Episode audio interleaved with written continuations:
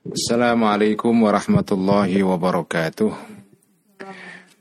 Bismillahirrahmanirrahim. Alhamdulillahi rabbil alamin. Wassalatu wassalamu ala ashrafil anbiya'i wal mursalin. Sayyidina wa habibina wa maulana wa qurrati a'yunina Muhammadin wa ala alihi wa ashabihi wa man tabi'ahum bi ihsanin ila li sadri wa yassir li amri wa hlul 'uqdatam min lisani yafqahu qawli. Rabbi zidna ilma warzuqna fahma amin ya rabbal alamin amma ba'd. Teman-teman semua, mari kita ngaji kitab Faisalut Tafriqah. Dan seperti biasa, mari kita mulai ngaji ini dengan hadiah Al-Fatihah. Ila ruhi nabina wa syafina Muhammadin sallallahu alaihi wasallam. وإلى أرواح الأنبياء والمرسلين وإلى أرواح الأولياء والشهداء والصالحين والأئمة المجتهدين والمؤلفين والمصنفين خصوصا إلى روح سلطان الأولياء الشيخ عبد القادر الجيلاني وإلى روح سيد الطائفة الإمام الجنيد البغدادي وإلى روح حجة الإسلام أبي حامد الغزالي والشيخ الأكبر محي بن عربي والإمام أبي الحسن الشاذلي وإلى أرواح أولياء الله تعالى في أرض جاوة. Wa khususan ila ruhi wali ila jaddina Muhammad Mutamakin qatasallahu asrarahum wa nawwara daraihahum wa adam barakatihim wa nafa'ana bi ulumihim ila arwahi amwatil muslimin wal muslimat wal mu'minin wal mu'minat min masyarikil ardi magharibiha barriha wa bahriha adada ma kana wa ma yakun. Khususan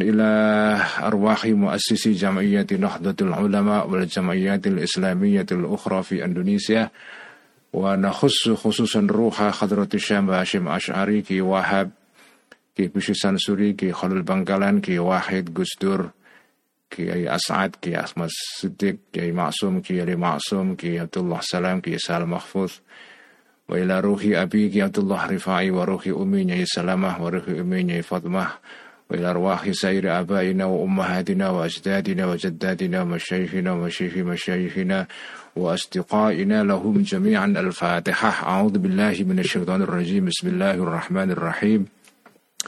الحمد لله رب العالمين الرحمن الرحيم. مالك يوم الدين. إياك نعبد وإياك نستعين. اهدنا الصراط المستقيم. صراط الذين أنعمت عليهم غير المغضوب عليهم ولا الضالين. آمين. بسم الله الرحمن الرحيم قال المؤلف رحمه الله تعالى وأدام النفع به وبعلومه في الدارين آمين ربي يسر وأعين Kitab Faisalut Tafriqah edisi Darul Minhaj halaman 97 Ini sampai khatam tinggal 8 halaman Ya ini dua bulan lagi sudah bulan puasa insya Allah udah khatam dalam dua bulan lah insya Allah Bismillahirrahmanirrahim. Wa idza tarakna al-mudahanata wa muraqabatal jawanibi sarrahna bi anna al-khawdha fil kalami haramun li kathratil afati fihi illa li syakhsaini wa idza tarakna dan jika meninggalkan aku kami atau Al-Ghazali Al-Mudahanata uh, bersikap apa namanya abang-abang lambe kalau dalam bahasa Jawa. Lip service ya berbaik-baik bermu, bermuka-muka manis ya. Wa muraqabatal jawanibi dan me, apa menjaga kiri kanan ya. Artinya kalau kita kesampingkan apa namanya kata-kata manis, diplomasi dan ewoh pakewo. Kalau kita mau jujur ya, honestly speaking ya, serahna maka uh, maka terus terang aku Al Ghazali bi annal khawdha sesungguhnya nyemplung ya menceburkan diri fil kalami dalam ilmu kalam ilmu teologi ilmu yang membahas mengenai soal ketuhanan yang jelimet itu itu pada dasarnya kalau mau jujur ya lepas dari eh, apa namanya eh, diplomasi atau ya mencoba untuk apa ya bermanis-manis dengan kiri kanan supaya nggak menyinggung banyak orang. Kalau mau jujur bloko suto belajar ilmu kalam itu haramun haram. Likasratil afati karena banyaknya cobaan atau jebakan Batman fihi di dalam ilmu kalam ini. Illa li ini kecuali bagi dua orang. Ahaduhuma yang pertama dari syakhsa ini, ini adalah rojulun seorang laki-laki dan juga perempuan. Di sini tidak terbatas laki-laki saja. Wakoat yang terjadi lahu bagi rojul ini syubhatun ke apa syubhatun kesamaran ya syubhatun keragu-raguan Laisat yang tidak ada syubha ini tazulu hilang syubha bikalamin dengan dengan dengan ucapan, dengan argumen koribin yang dekat yang bisa difahami oleh orang awam. Wa'ziyin yang bersifat eh, mo'idho hasanah, pitutur ya. Orang yang punya keraguan-raguan dalam imannya ya, dan tidak bisa dihapuskan keraguan ini dengan petuah penceramah pada umumnya. Ya pidato-pidato penceramah pidato-pidato mau hasanah para ustadz yang sederhana itu tidak bisa ya. wala hadithin dan juga tidak bisa dihilangkan melalui hadis nakliyin yang dinukil didengar dari kanjeng Nabi. An qalbihi eh, hilang an dari hatinya dari pikirannya rajul ini Nah bagi orang seperti ini fayajuzu maka boleh. Ayakuna ada al qawlu ucapan atau argumen ya. Al murattabu yang disusun secara sistematis. Al kalamiyu yang bersifat kalam. Dalil yang bersifat uh, kalam yang canggih ya. Yang bersifat teologis ya. Uh, rafian kabarnya kana rafian uh, itu menghilangkan syubhatahu terhadap keraguan-raguannya rojul ini. Wadawaan dan obat lahu bagi rojul ini fi marodhi di dalam sakitnya rojul ini. Nah dalam konteks orang yang mengalami keadaan keraguan-raguan seperti ini Fayusta'malu Maka boleh digunakan kalam, ilmu kalam Ma'ahu bersama atau bagi orang ini Rojul ini Wa yukhrasu dan dijaga dan dijaga anhu dari rajul ini sama sahihi mendengarkan hadis yang sahih ya alladzi laisa yang tidak ada bihi melalui atau disebabkan oleh as ini dzalikal maradu penyakit yang penyakit keraguan-raguan yang diderita yang menimpa uh, apa namanya uh, orang ini ya. Jadi orang yang seperti ini boleh belajar ilmu kalam atau diberikan dalil berupa ilmu kalam yang disusun dengan susunan yang canggih sekali seperti yang kita atau yang dipelajari dalam ilmu kalam ya. Fa'innahu Nah, orang seperti ini justru malah harus dihindarkan mendengar ya Eh, hadis-hadis ya. Hadis-hadis ya. Karena orang seperti ini memang butuhnya itu ilmu kalam. Keraguan-raguannya dia bisa dihilangkan dengan ilmu kalam bukan dengan hadis. Kalau diberi hadis malah tambah tambah keraguan-raguannya karena ya mungkin orang ini punya kecenderungan rasional ya jadi wayu khrosu an husam usohihi. Orang ini kalau bisa dihindarkan tidak mendengarkan ya hadis-hadis sohih yang yang tidak menjadi sumber keraguan-raguannya dia. Karena kalau dikasih hadis itu malah tambah lagi apa namanya keraguan-raguannya. Fa innahu yushiku fa innahu karena sesungguhnya as-sahih hadis sahih ini yushiku hampir-hampir as-sahih ini an yuharrika menggerakkan hadis sahih ini fi nafsi di dalam dirinya orang tersebut iskalan kemuskilan ya. Seperti terjadi sekarang ini ya. Generasi baru sekarang ini itu sebagian tidak semua ya. Generasi baru yang tumbuh di dalam kultur rasional kultur sains modern yang mengandalkan apa namanya rasionalitas ya. Generasi baru seperti ini kalau belajar agama jenengan cekoi dengan doktrin agama yang di apa ya ya yang disusun secara konvensional seperti yang kita pelajari dari orang-orang tua kita justru mungkin malah menimbulkan keraguan-raguan ya. sekarang kita menghadapi generasi seperti ini ya jadi kita menghadapi sebagian generasi baru yang ketika mereka belajar agama yang membutuhkan keterangan yang rasional. Nah, bagi orang seperti ini boleh diberikan penjelasan tentang agama dengan pendekatan yang rasional seperti dalam ilmu teologi. Jadi, teman-teman semua ya, tradisi Islam itu kaya sekali. Islam itu agama yang berkembang sudah ribuan tahun dan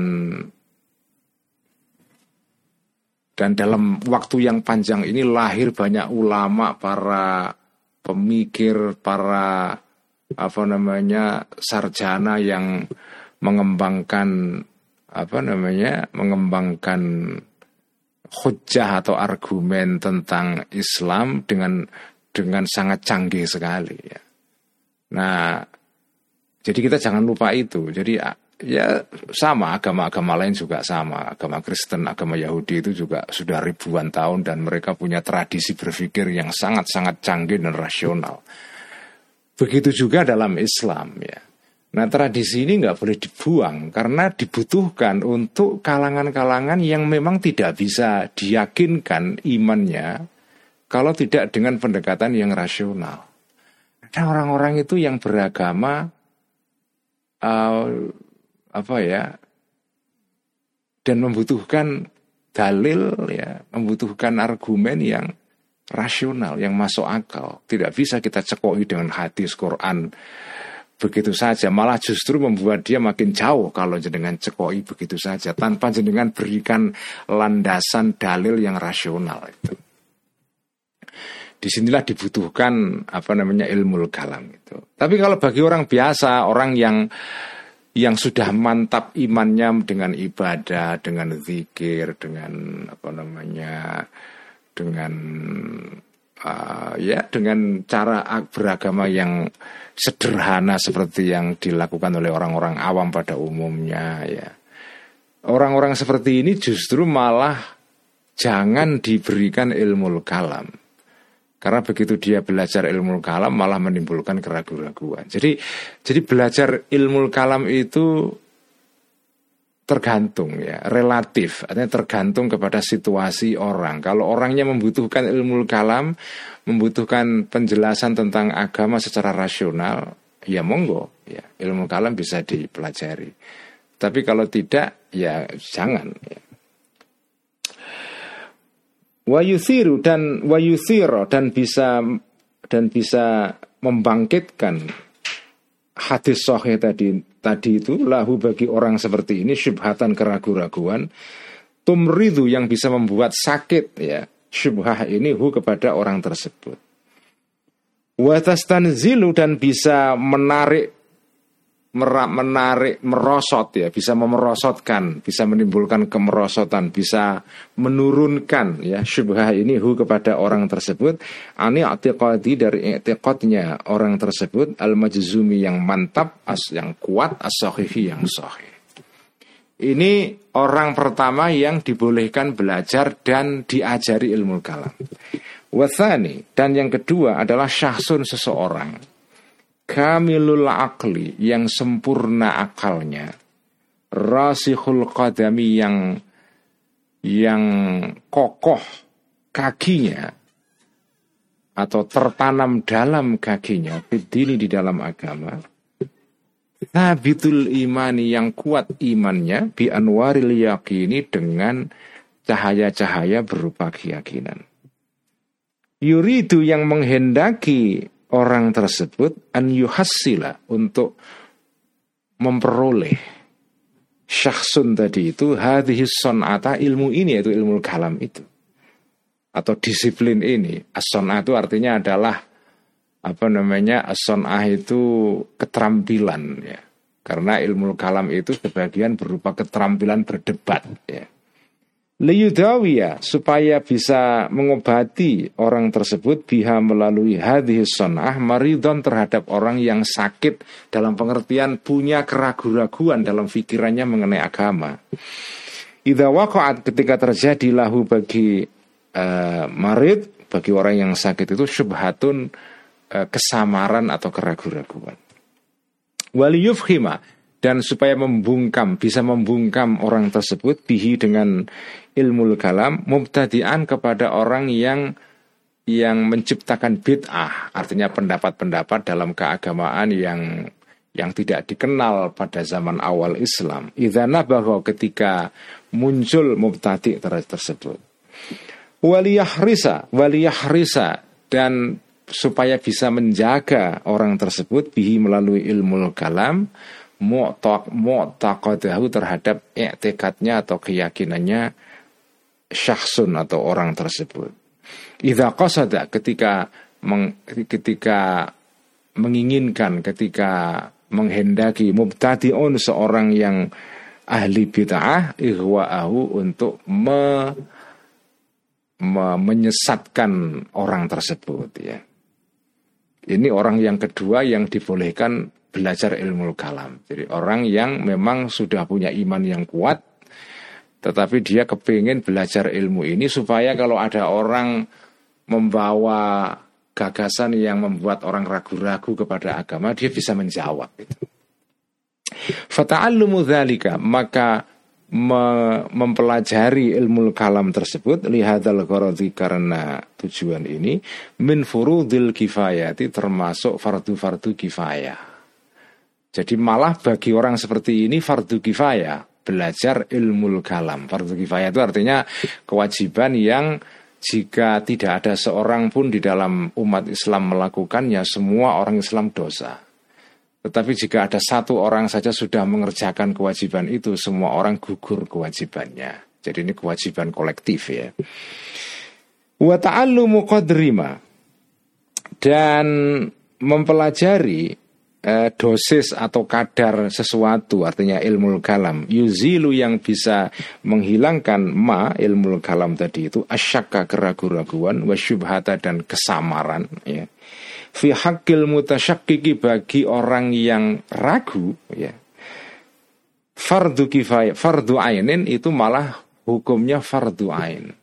Jadi kalau jenengan itu menderita keraguan-raguan dalam agama ya dan jenengan uh, bisa menghilangkan keraguan-raguan itu jika belajar ilmu kalam maka belajar ilmu kalam pada konteks seperti itu malah hukumnya fardu ain gitu. Idalam yumkin ketika tidak mungkin ya ada tiqadihi mengembalikan keyakinannya orang tersebut ya al majzumi yang yang mantap, yang kokoh, ditorikin dengan jalan akhara yang lain siwahu selain ilmu kalam, selain dalik tadi itu. Inilah hukumnya belajar ilmu kalam dan secara garis besar sebetulnya ini menekankan atau memperkuat poin yang sudah dikatakan pada bagian sebelumnya bahwa Al Ghazali di dalam bab ini ya Al Ghazali dalam bab ini itu sebetulnya sedang membela imannya orang-orang awam. Jadi jangan menghina imannya orang awam.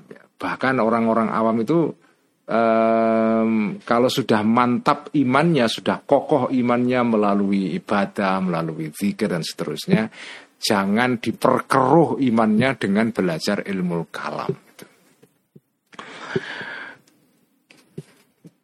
Tetapi kalau kalau jenengan itu berada pada situasi di mana jenengan mengalami keraguan-raguan ya dan tidak bisa dihilangkan keraguan-raguan itu kalau hanya belajar agama dengan cara yang konvensional ya ya jangan harus belajar hal seperti ini ya. wal jadi jadi apa namanya ya ya ilmu itu boleh dipelajari atau tidak itu tergantung situasinya. Jadi ini sebetulnya sebetulnya menggambarkan ya cara pandang uh, apa ya fikih pada dasarnya. Ilmu fikih ilmu hukum Islam itu ketika menghukumi sesuatu itu tidak bisa menghukumi itu kemudian mengabaikan kondisi orang yang bersangkutan. Jadi misalnya belajar ilmu kalam boleh nggak? Ya tergantung situasinya bahkan kalau jenengan pernah belajar nanti kalau belajar kitab Ihya pada bagian juz awal mengenai soal ibadah misalnya nikah itu kan ya semua orang tahu nikah itu sunnah rasul ya. Tetapi kalau jenengan belajar kitab Ihya, nikah itu hukumnya tidak hanya sunnah, ya. tergantung situasinya. Ada nikah itu wajib, ada nikah itu sunnah, bahkan ada nikah itu malah haram. Ya, malah haram. Tergantung situasinya. Tentu saja nikah dilihat pada dirinya sendiri, hukumnya adalah sunnah. Tetapi nikah relat, relatif ya ter, terkait dengan objeknya artinya orang yang mau menikah. Kalau nikah dikaitkan dengan situasi orang yang mau menikah itu hukumnya bisa bermacam-macam. Begitu juga ilmu kalam ya. Ilmu kalam ini ya sama. Kalau dikaitkan dengan kondisi orang yang kepingin belajar ilmu kalam, hukumnya bervariasi. Ada yang wajib, ada yang bahkan haram, ada yang sunnah, ada yang fardu ain, ada yang fardu kifayah dan seterusnya. Jadi inilah cara pandang apa ya fikih ya atau cara pandang Al Ghazali secara khusus ya. Al Ghazali ini mengembangkan hukum yang apa ya bersifat apa ya eh, situasional. Apa hukumnya sesuatu dilihat dulu keadaannya. Karena keadaan ini bisa mengubah status hukum. Wal dan kebenaran asorihu yang jelas itu adalah jadi jadi uh, intinya adalah ya kebenaran yang yang apa yang menjadi dasar dalam melihat masalah ini adalah laman sesungguhnya setiap orang i'taqada yang meyakini orang ini ma sesuatu jaa yang datang bihi dengan ma ini ar-rasul Rasulullah sallallahu alaihi wasallam. Wastamala dan mengandung alaihi terhadap ma ya siapa siapa pun yang mengimani segala hal yang disampaikan kanjeng Nabi dan dikandung oleh Al-Qur'anu Qur'an i'tiqadan dengan keyakinan jazman yang kokoh maka fahuwa orang ini mukminun adalah seorang yang beriman Enggak boleh jenengan anggap kafir hanya gara-gara dia tidak mengikuti madhab sampean itu enggak bisa. Jadi definisi iman itu sederhana menurut Al-Ghazali. Siapa pun yang iman terhadap segala hal yang dibawa kanji Nabi dan dikandung dalam Al-Quran walaupun imannya dia tidak sesuai dengan madhab sampean.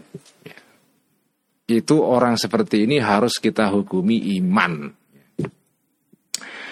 Wa ilam ya'rif walaupun tidak tahu orang ini adillah tahu dalil-dalilnya apa namanya maja'ar bihir rasul dan istamalahil Quran tadi itu. Ya. iman saja nggak ngerti dalil. Itu itu tetap iman dia. Bahkan nah ini ini punchline-nya. Ini adalah mahal syahidnya. Apa bagian yang patut distabilo ini. Balil iman bahkan iman al mustafadu yang diambil di di apa di diambil atau dikeluarkan ya. Di eh, apa itu di diambil ya. Diolah ya. Minat dalili dari dalil al kalami yang bersifat kalam ya. Dalil rasional. Orang yang beriman dengan cara seperti ini justru imannya itu dhaifun, lemah jidan banget sekali ya, lemah sekali. Musyrifun yang mendekati ya, iman seperti ini alat tazal zuli terhadap goyang atau apa namanya uh, roboh atau runtuh ya. Bikul syubhatin dengan atau atau goyang bikul syubhatin dengan setiap keraguan-raguan justru imannya orang yang dibangun berdasarkan dalil teologi yang rasional yang seolah-olah canggih itu malah justru rentan rentan ambruk gitu, rentan bisa digoyang. Dalil iman sebaliknya iman ar-rasihu yang yang yang mengakar dalam ya. Yang kokoh itu adalah imanul awam, imannya orang-orang awam, al-hasilu yang terjadi iman ini fi di dalam hati-hatinya al-awam fisiba di dalam keadaan waktu kecil. Iman yang tumbuh sejak kecil bitawaturis samai dengan tawaturnya dalil sama, dalil yang didengar dari agama, entah itu hadis atau Quran, ya. Awil hasilu atau iman yang terjadi ba'dal bulughi, ya. Setelah balik ya, tidak dari kecil tapi sejak balik biqaraina dengan dalil-dalil dengan korenah-korenah, dengan bukti-bukti, la yumkinu yang tidak mungkin at-ta'biru mengungkapkan mengungkapkan anha dari koroin ini. Jadi ada orang itu yang beriman itu bukan karena satu dua dalil, tapi karena banyaknya dalil, korenah atau bukti yang nggak mungkin diungkapkan satu persatu. Dia imannya kokoh karena totalitas dari bukti-bukti yang dialami sendiri.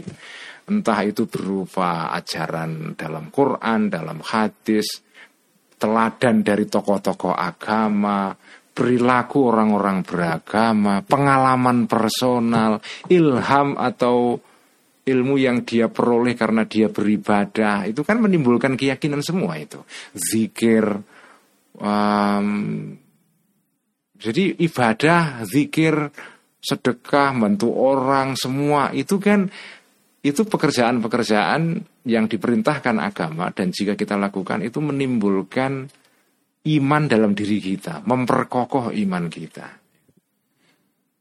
Totalitas dari itu semuanya yang nggak mungkin dikatakan satu persatu, la yumkinu ta'biru anha. Wa tamamu ta'akkudihi bimulazamatil ibadati wa dzikri. Ya dan apa namanya eh, watama muta'akudihi dan sempurnanya kuatnya iman orang seperti ini adalah khobarnya tamamu bimulazamatil ibadati dengan melanggengkan ibadah wa zikri dan zikir kepada Allah itu.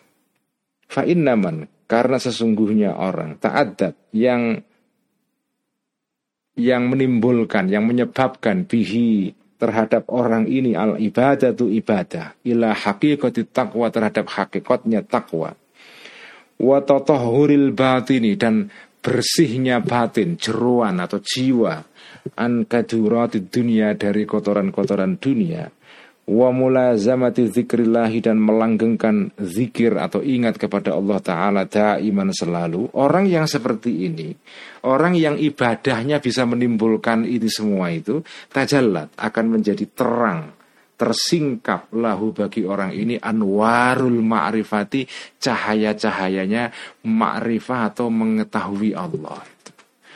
Jadi Mengetahui Allah, memahami Allah iman kepada Allah itu itu itu kompleks sekali ya. Orang beriman itu sebab paling besar itu justru bukan karena dalil yang rasional. Kompleks sekali itu ya. Ibadah, zikir, sedekah, apa namanya melakukan kewajiban agama, belajar, ya mempelajari ilmu, mendengarkan ceramah, melihat teladan para kiai-kiai, sowan kiai, ketemu orang alim, ketemu orang yang yang menjadi menjadi teladan agama, jenengan bertemu dengan orang yang soleh, ya. itu semua menimbulkan efek memperkuat iman. Jadi keliru kalau jenengan berpendapat bahwa iman itu semata-mata diperkokoh karena dalil yang rasional, semata-mata ya saya tidak mengingkari bahwa dalil yang rasional, hujah yang rasional itu bisa memperkokoh iman, bisa, ya. tapi tidak dalam semua kasus. Sebagian besar orang itu imannya kuat bukan karena dalil yang rasional. Ya karena ini, karena ibadah. Kalau saya nggak, kalau jenengan nggak pernah ibadah, nggak pernah zikir, nggak pernah solawat, nggak pernah puasa, nggak pernah zakat, gak pernah sodakoh.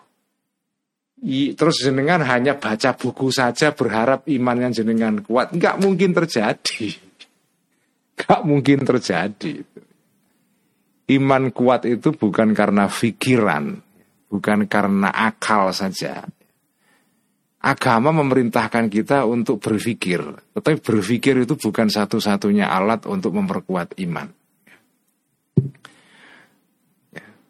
Jadi dan, jenengan merasakan sendiri kan. Jenengan merasakan ya teman-teman yang ikut ngaji malam ini lah. Jenengan merasakan sendiri kan. Jenengan kalau kalau tekun beribadah, tekun zikir, tekun solawat. Sering-sering ketemu kiai, ulama, orang soleh. Sering-sering melihat teladan orang baik. Itu itulah yang akan membuat iman sampean itu jadi kokoh itu ya. Kalau jenengan sering-sering mendengar perdebatan orang-orang dalam agama itu malah justru mengeringkan mengeringkan jiwa kita itu. Ya paling yang dipuaskan otak saja, tapi beragama itu kan bukan melalui otak, tapi melalui hati, melalui emosi, melalui perasaan perasaan yang diolah melalui tadi itu zikir, ibadah dan seterusnya. Kalau jenengan keseringan baca debat-debatnya orang di Twitter ya boro-boro membuat iman menjadi kokoh malah justru menggoyahkan iman itu ya. Menggoyahkan. Tidak ada jalan untuk memperkuat iman kecuali jenengan itu mengalami iman itu langsung apa caranya? Ibadah, zikir, solawat kepada kanji Nabi, tafakur, uh, dan seterusnya. Itulah itulah sumber kekokohnya iman kita itu ya. Wasarat dan jadilah al umuru segala perkara-perkara allati qad akhadha yang telah mengambil ya man tadi itu ha terhadap al umur taklid dan secara taklid. Orang yang seperti ini orang awam yang dulunya belajar agama itu taklid saja dari orang tuanya dari lingkungannya. Karena semua orang itu kan jenengan tahu lah semua orang itu kan beragama itu karena lingkungan. Jenengan menjadi muslim itu sebab terbesarnya kan karena jenengan lahir di dalam keluarga muslim. Kalau jenengan lahir di keluarga non muslim ya jadi non muslim jadi jenengan beragama itu kan karena accident of birth ya, karena kebetulan jenengan lahir di, di keluarga yang beragama A, beragama B, maka jenengan ikut agama A, ikut agama B. Jadi semula agama itu jenengan ambil secara taklid. Tapi ketika jenengan amalkan agama ini, jenengan pelajari pelan-pelan ya. Ketika kecil memang agama itu kita ambil dari orang tua, dari masyarakat sekitar, dari guru-guru secara taklid saja. Jadi agama itu bermula dari taklid, pelan-pelan kemudian naik tingkatnya setelah dipelajari, diamalkan, dihayati menjadi agama yang kalmu nanti seperti mengalami sendiri wal musyahadati dan menyaksikan sendiri. Jadi setelah jenengan amalkan, jenengan pelajari itu agama yang semula ditakliti menjadi keyakinan yang seolah-olah itu nyata bagi sampean. Muayana, musyahada. Musyahada dan muayana itu artinya jenengan lihat sesuatu langsung, bukan mendengar dari orang lain, bukan kabar-kabari, tetapi langsung eh, jenengan alami secara langsung. Kan beda kan jenengan kalau dengar kabar dengan mengalami peristiwa secara langsung. Itu kekuatan kepercayaan sampean terhadap sesuatu itu beda. Kalau kabar-kabari saja jenengan hanya dengar cerita. Ya jenengan bisa percaya tapi itu tidak sekuat percayanya orang yang langsung melihat peristiwa itu dengan mata sendiri. Nah jenengan semula ketika im beragama itu ketika kecil itu taklid. Tapi begitu sudah dewasa belajar beribadah seterusnya ya itu kemudian dialami sendiri. Kemudian jenengan seperti orang yang menyaksikan peristiwa secara langsung melalui mata jenengan sendiri. Artinya yakin sekali. Wadil keadaan itulah ya tadi itu ma'rifah itu adalah hakikatul ma'rifati hakikatnya ma'rifah pemahaman allati la tahsulu yang tidak terjadi ma'rifah ini illa ba'da ba'dan khilali uqdatil i'tiqadati. Setelah setelah terurainya kalau pakai bahasa pesantrennya itu dalam bahasa Jawa Pantura inhilal itu inhilal artinya udar. Udar itu apa? Ya, tali atau ikatan yang semula semula itu terikat kemudian diuraikan itu namanya inhilal ya. Ma'rifah atau pemahaman yang yang seperti tadi itu kal muayyanah wal musyahadah.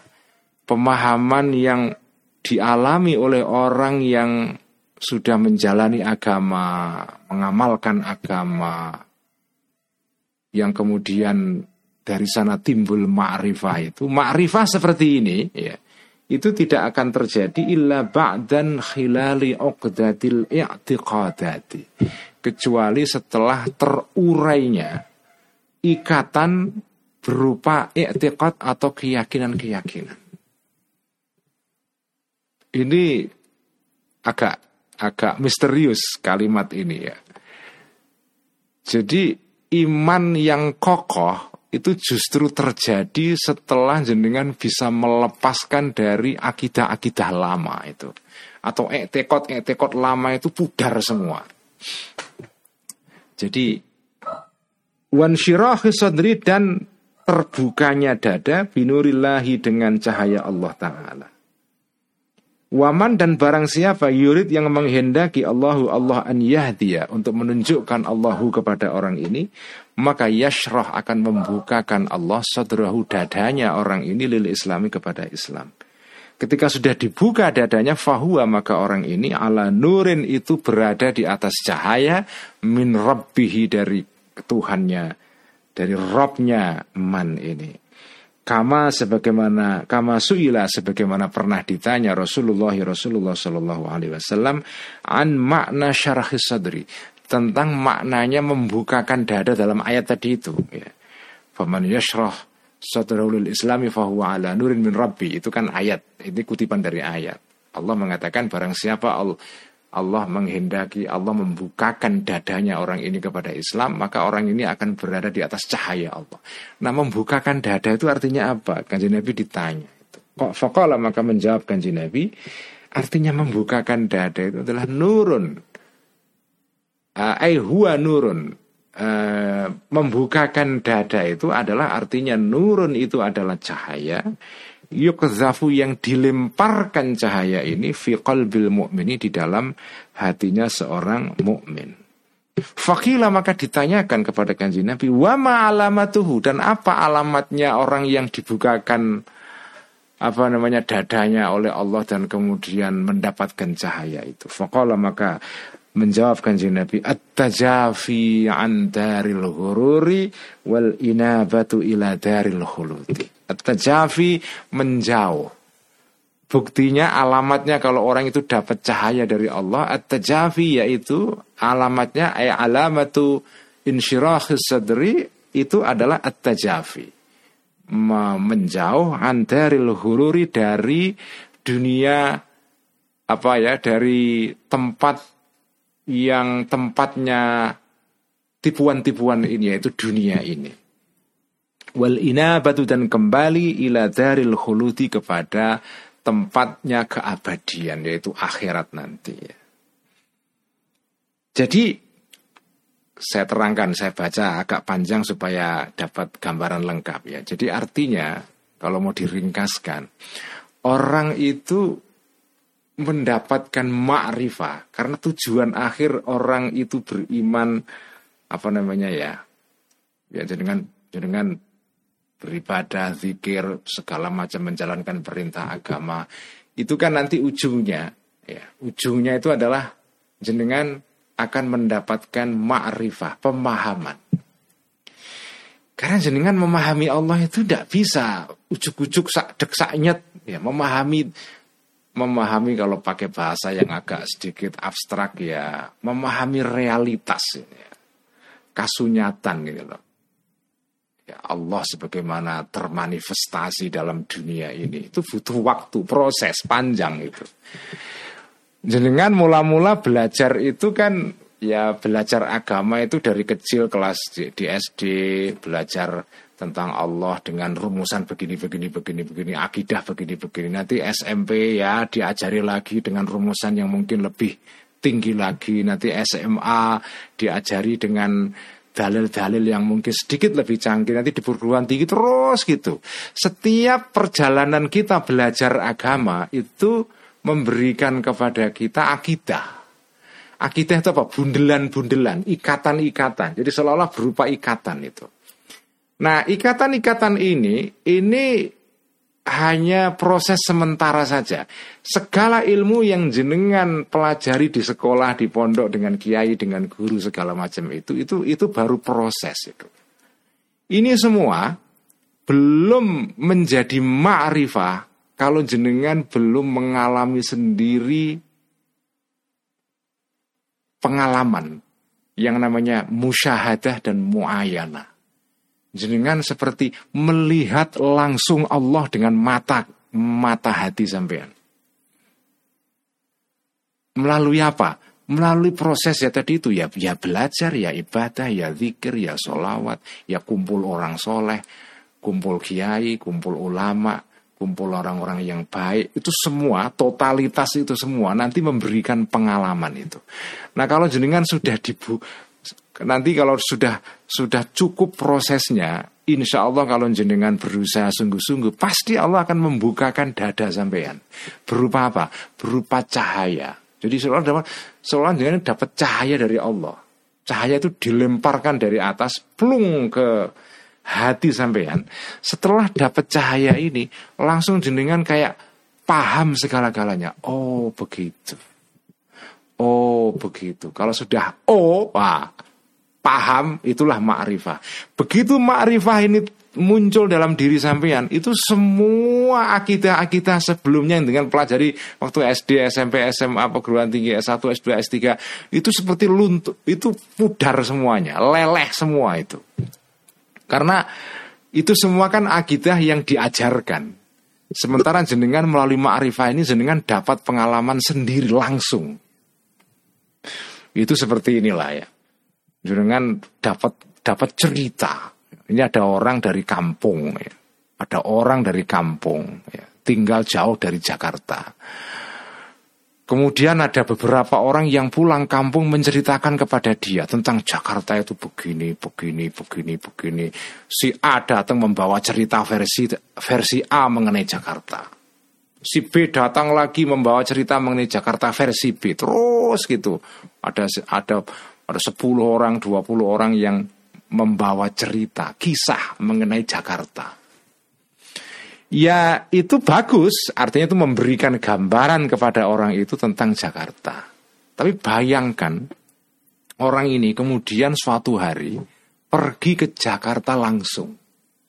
Melihat Jakarta sendiri dengan matanya sendiri dan jalan-jalan di kota ini melihat sudut-sudutnya itu semua cerita-cerita sebelumnya, berapapun jumlahnya, itu kan seperti pudar semua itu. Cerita itu nilainya kalah dengan pengalaman langsung orang ini melihat Jakarta dengan matanya sendiri. Itu namanya makrifah itu itu. Kalau jenengan beragama belum sampai ke level muayanah musyahadah seperti ini, mengalami langsung seperti orang datang ke Jakarta sendiri, melihat langsung kota ini, itu agama yang jenengan peluk itu masih berupa agama katanya, katanya, katanya, kata si ini, kata kiai itu, kata kiai ini. Ya itu perlu sebagai proses, tapi itu belum cukup. Karena itu masih katanya. Jenengan harus mengalami beragama itu berupa muayanah musyahadah. Pengalaman langsung. Yang pengalaman ini nggak mungkin digambarkan nggak mungkin digambarkan. Jenengan mau mau kitab seribu jilid tidak bisa mengungkapkan seluruh pengalaman yang jenengan alami. Gak bisa, ya. gak bisa itu. Nah, itu namanya ma'rifah. Itu namanya jenengan sudah dibukakan dadanya oleh Allah, di, di kemudian diletakkan, dilemparkan cahaya ke dada sampeyan itu. Ya kita kita ini ini baca juga ini ini ini juga katanya kata Al Ghazali jenengan tidak akan bisa merasakan ini kalau jenengan nggak alami sendiri nggak bisa juga ini juga baru katanya juga ini ya Makanya ilmu tasawuf itu pada akhirnya ilmu yang harus dialami sendiri. Dengan baca kitab kayak begini ini ya, ya ini katanya juga. Ya, ini ilmu samai, ilmu katanya, mendengar, dengan dengar dari seseorang itu Al-Ghazali.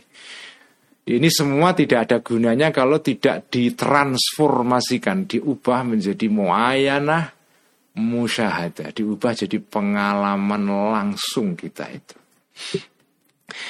Nah, tapi itu kan pengalaman itu kan dalam diri, dalam hati, enggak kita kan nggak bisa mengukur itu, nggak bisa dilihat. Tetapi ada tandanya. Kan Nabi memberikan penjelasan, ada tandanya. Orang kalau sudah muayanah musyahadah, ya. ini ada tandanya, ya. Jangan amati saja.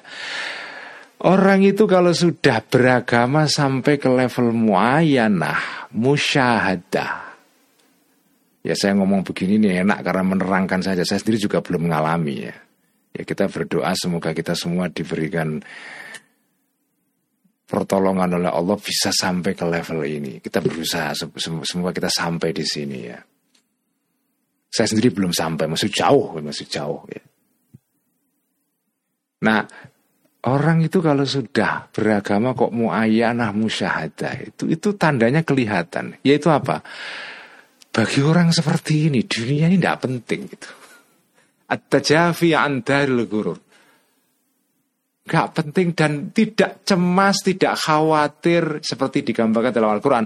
La khawfun alaihim walahum yahzanun. Orang ini tidak cemas karena karena tidak punya pekerjaan yang men, mendatangkan gaji tetap. Ya. Karena tidak dapat titel karena nggak punya nggak punya kendaraan yang mewah, karena rumahnya nggak bagus, karena bajunya jelek, karena followernya di Twitter sedikit, karena bikin kanal YouTube juga nggak banyak nggak banyak dapat subscriber, itu semua dunia itu. Bagi orang yang sudah mau namun syahadat dunia itu relatif semua. Karena fokus dia kepada Allah. Dunia ini sekunder. Yang primer bagi orang yang sudah muayana musyahadah ini ya Allah Subhanahu wa taala Dan jenengan bisa kok melihat orang seperti itu. Ya contoh yang ceto welo-welo itu ya salah satunya Gus Dur itu. Gus Dur itu contoh. Dengan kalau pernah ikut hallnya Gus Dur, cerita banyak orang itu itu kan akan akan dapat cerita banyak sekali di mana Gus Dur itu nggak pernah punya duit di dompetnya, di sakunya. Kadang-kadang kalau butuh apa-apa malah minta kepada putrinya Mbak Alisa apa. Ini contoh orang yang sudah muayana. Bagi orang seperti ini dunia itu relatif. Dunia itu sekedar sarana. Kalau orang yang belum muayana, aduh ya Allah, dunia ini di, dikekepi itu, dipegang erat-erat ya. Keluar sedikit aja langsung menyesal. Dunia itu di, dipegang erat-erat itu. Nah itu, itu, itu, itu orang yang belum muayana. Kalau orang sudah muayana, aduh itu semua semua harta benda dunia, kedudukan, status sosial, popularitas, apalah titel. Ya, itu semua tidak berarti tidak penting ya. Karena agama juga mengajarkan jenengan tidak sam, bisa tidak bisa sampai ke akhirat kalau tidak melalui dunia ini. Dunia mazra'atul akhirah ya. Dunia ini adalah seperti ladang menanam sebagai bekal menuju akhirat. Kan nggak bisa meninggalkan dunia. Islam itu bukan agama yang menyuruh para pemeluknya meninggalkan dunia enggak tapi juga tidak kemudian ngekepi dunia sampai mati-matian sampai begitu dunia hilang seperti kiamat itu. Enggak itu. Enggak. Jadi kalau orang kalau sudah muayana ini walaupun dia punya dunia banyak ya udah nggak penting itu ya. Diurus tapi itu tidak menguasai hatinya gitu loh. Itu itu tandanya orang kalau sudah muayyanah sudah musyahadah. Sudah muayyanah musyahadah itu. Fahada, fafihada, maka dengan keterangan ini na'lamu mengetahui kita ya. Annal mutakallima sesungguhnya orang ahli kalam, orang yang belajar ilmu kalam, ilmu teologi, ilmu ketuhanan yang rasional itu, al-muqbila yang yang apa namanya menghadapkan dirinya, memfokuskan dirinya alat dunia kepada dunia, al-mutahalika yang habis-habisan. Ya. Total alaiha terhadap dunia itu sebetulnya kan ada. Orang itu alim tetapi hatinya kumantil leng, lengket dengan dunia. Ya, banyak ya. Seperti dalam kitab Ihya yang kita pelajari kemarin itu orang itu kalau belajar ilmu tujuannya adalah bukan ilmu ya bukan Allah tetapi pengaruh yang ditimbulkan karena ilmu itu, status sosial yang ditimbulkan karena ilmu itu, orang seperti ini akan potensial hasut terhadap orang lain yang lebih pintar daripada dia. Nah, karena apa? Karena dunia tujuan belajarnya karena dunia bukan karena ilmu itu sendiri ya. Nah orang yang belajar ilmu kalam seperti ini Ini adalah wairu mudrikin Tidak paham Hakikatul ma'rifati Hakikatnya, sejatinya. Ma'rifah, mengetahui Allah. Jadi Kata kuncinya di sini ma'rifah. Paham. Jenengan tuh dong kalau bahasa Jawanya itu ya. Dong itu paham ya. Paham tentang Allah.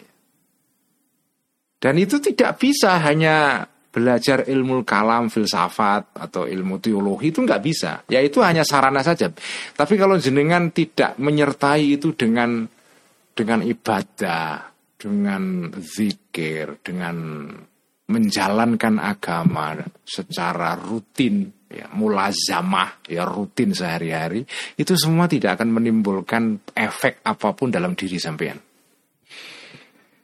Walau adraka dan jika memahami mutakalim tadi tuha kepada hakikatul ma'rifah java maka akan menjauh al mutakalim ini antari luhururi dari rumah berupa tipuan-tipuan rumahnya tipuan-tipuan yaitu dunia ini.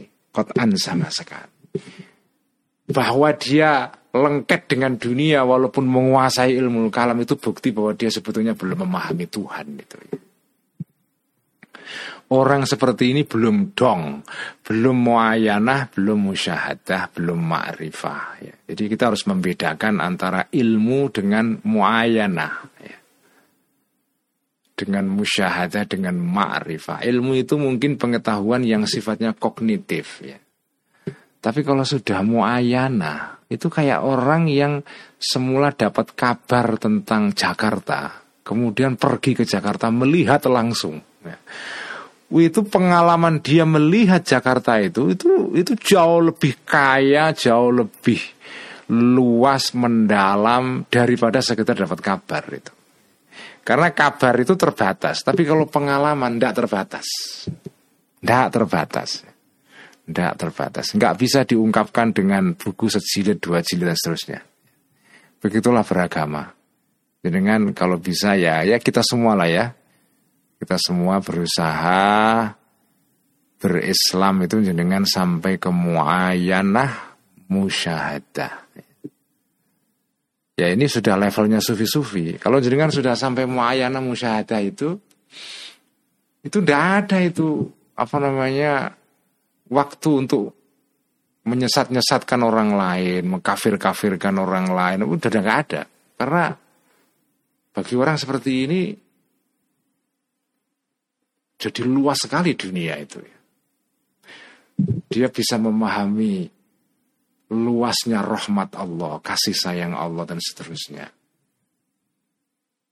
Makanya orang yang belajar ilmu kalam itu kalau tidak sampai ke level muayana itu nanti ujungnya malah justru bisa-bisa ya. Ujungnya adalah dia gampang menganggap orang lain yang beda pemahamannya dengan diri dengan dirinya itu sesat, bid'ah atau kafir atau segala macam. Tapi kalau orang sudah muayana musyahadah seperti ini itu malah justru dadanya luas itu. Karena sudah dibukakan dadanya oleh Allah. Makanya sufi-sufi itu ya makanya Islam itu dalam sejarahnya ini kan buktikan saja lah di mana-mana Islam yang disebarkan oleh para sufi-sufi itu itu jauh lebih pengaruhnya lebih mendalam daripada Islam yang disebarkan melalui perang, melalui kan ada juga Islam yang datang ke sebuah negara melalui perang. Ya. Tapi kalau di Nusantara ini ini tidak melalui perang, melalui ajaran para sufi-sufi ini. Yang ya tadi itu beragamanya itu sudah muayana, sudah musyahadah. Makanya Ya masya Allah, makanya kita kita bersyukur kepada Allah ya kita ini menjadi Muslim di Indonesia ini karena kita ini diislamkan oleh orang-orang yang sudah muayanah musyahadah ini, oleh guru-guru sufi yang yang luar biasa itu. Dan buahnya ya Islam seperti kita lihat sekarang ini. Terutama Islam yang yang muncul melalui para melalui tradisi-tradisinya para kiai, para ulama di Nusantara. Sekian ngaji kita Faisal, kita nanti minggu depan masuk ke bab baru mengenai nah ini. Minggu depan kita membahas mengenai keluasan rahmatnya Allah. Itu itu itu nanti uh, pokok pembicaraan berikutnya. Orang itu kalau sudah imannya sampai kepada level muayyanah musyahadah, dia akan paham rahmatnya Allah itu luas sekali karena begitu luasnya orang ini nggak gampang menyesatkan orang, mengkafirkan orang. Sesama orang yang sholat menghadap kiblat. Gak ada waktu bagi orang seperti ini untuk mengkafir-kafirkan. Gak ada waktu. Gak ada waktu. Mari kita tutup ngaji Faisal dengan bacaan sholawat tibil qulub. Allahumma salli على سيدنا محمد طب القلوب ودوائها وعافية الأبدان وشفائها ونور الأبصار وضيائها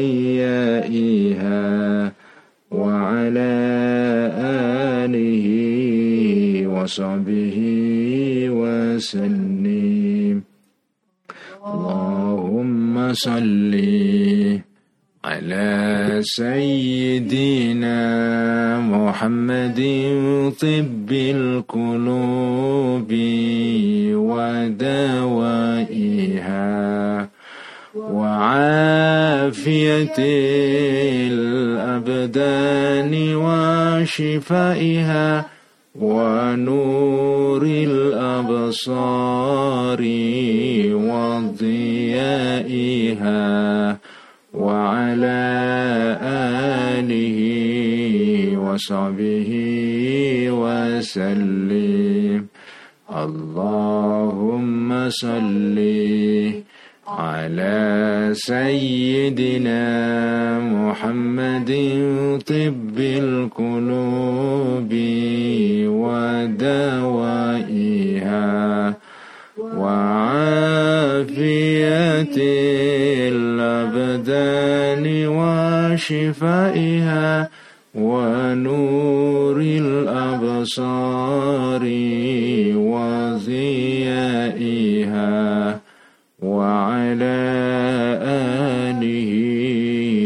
وصحبه وسلم sekian wassalamualaikum warahmatullahi wabarakatuh terima kasih